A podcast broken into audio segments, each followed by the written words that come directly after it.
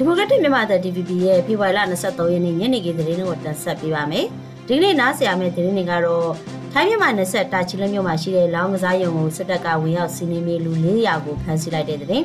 ။မကွေးတိုင်းမှာ Grade 9စာမေးပွဲမေကွန်ပေါက်ကြလို့ဒီဆိုမှုရက်နာလိုက်တဲ့သတင်းနဲ့ကြည့်ရှုဖို့မတင်တဲ့ဒေးတချင်းဗီဒီယိုကိုရိုက်ကူးတရုပ်ဆောင်မှာကအရေးယူမယ်လို့စစ်ကောင်စီကသတိပေးလိုက်တဲ့သတင်းကိုနားဆင်ရမှာဖြစ်ပါတယ်။ ရှမ်းပြည်နယ်အရှေ့ပိုင်းထိုင်းမြန်မာနယ်စပ်တာချီလိမြို့စန်ဆိုင်ခပတောက်လမ်းသွယ်မှာရှိတဲ့ 1G1 Hotel အနောက်ဘက်ကအွန်လိုင်းလောက်ကစားရုံကိုဖေဖော်ဝါရီလ20ရက်နေ့ညပိုင်းကစစ်ကောင်စီကဝေရောက်ဖမ်းဆီးခဲ့တယ်လို့မြို့ခံနေစကနေသိရပါဗျ။မနေ့က12နာရီကျော်ကနေဒီကနေ့မနေ့အထိစစ်ကောင်စီတပ်နဲ့ရဲတပ်ဖွဲ့တွေလောက်ကစားရုံအတွင်းမှာနိုင်ငံသားတွေပါဝင်မျိုးသားအယောက်400နီးပါးကိုဖမ်းဆီးခဲ့တယ်လို့မြို့ခံတို့က DVB ကိုပြောပါဗျ။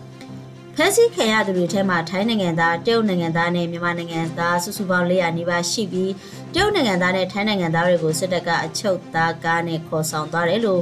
အုပ်ချုပ်ရေးနဲ့နှိစက်သူတို့ကပြောပါရယ်လက်တလောစစ်တပ်ကဝင်ရောက်ဖမ်းဆီးတဲ့နေရာအတွက်တာချီလိတ်မြို့ပေါ်နဲ့ရက်ွက်တချို့တွေမှာရှိတဲ့ online လုပ်ငန်းလုပ်ကိုင်နေသူတွေရှောင်တိန်နေတယ်လို့သိရပါတယ်ရှင်။မကွေးတိုင်းမှာစစ်ကောင်စီစစ်တဲ့ Grade 9စာမေးပွဲ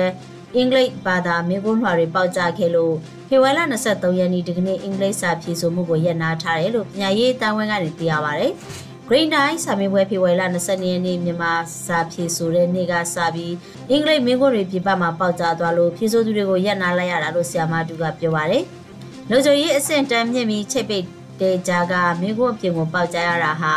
တိုင်းဆိုရနဲ့တိုင်းပညာရေးမှုမှာတာဝန်ရှိတယ်လို့ကျောင်းသားမိဘတူကဝေဖန်ပြောဆိုပါတယ်။ စစ်ကောင်စီလက်အောက်ခံမကွေးတိုင်းအစိုးရအနေနဲ့မိခွန်းပေါက်ကြလို့အင်္ဂလိပ်စာတွေဖြေဆိုမှုဒီကနေ့ရက်နာထားပြီးဖေဖော်ဝါရီ29ရက်နေ့မှာပြန်လည်ဖြေဆိုမှာဖြစ်တယ်လို့တိုင်းအုပ်ချုပ်ရေးနဲ့နှိစက်သူတို့ကပြောပြပါရရှင်။ရေကုန်မြို့ပစုံတောင်မြို့နယ်ရှေ့ရက်ကွက်ရေကျော်လမ်းမိုင်းမှာဖေဖော်ဝါရီ23ရက်နေ့မနက်9နာရီခွဲလောက်ကရထားနေစီတိုက်မိပြီးလမ်းကူတရာကျိုးကြကလူတချို့ထိခိုက်ဒဏ်ရာရှိခဲ့လို့မြို့ခံတွေကနေသိရပါဗျ။ကုန်တရထားနဲ့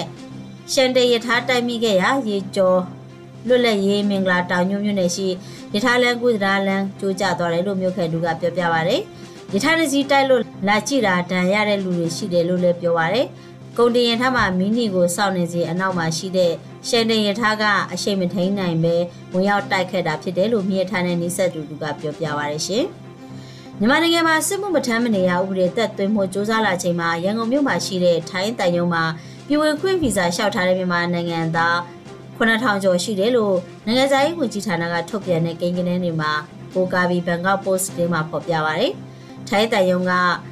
အွန်လိုင်းကနေလျှောက်ထားမှုကိုတစ်နှစ်ကိုအယောက်800အထိတိုးပေးထားတယ်လို့ပြောခွင့်ရအမျိုးသမီးကန်ချနာပရာတာချုပ်ကပြောပါရယ်။အယောက်400ကိုတန်ယုံဖက်ကဗီဇာထုတ်ပေးမှဖြစ်ပြီးအယောက်400ကိုတော့ကမ္ဘာတုံးလုံးကတန်ယုံတွေကသုံးတဲ့ပြပဝန်ဆောင်မှုကုမ္ပဏီ VFS Global ကနေထုတ်ပေးမှဖြစ်တယ်လို့သိရပါဗျ။ ပိုကင်ယူထားကြတာမက်လာတရက်နေ့အထိပြည့်နေပြီဖြစ်ပြီးလျှောက်ထားသူပို့တိုးလာမယ်လို့မှန်းထားတဲ့အကြောင်းကကြနာက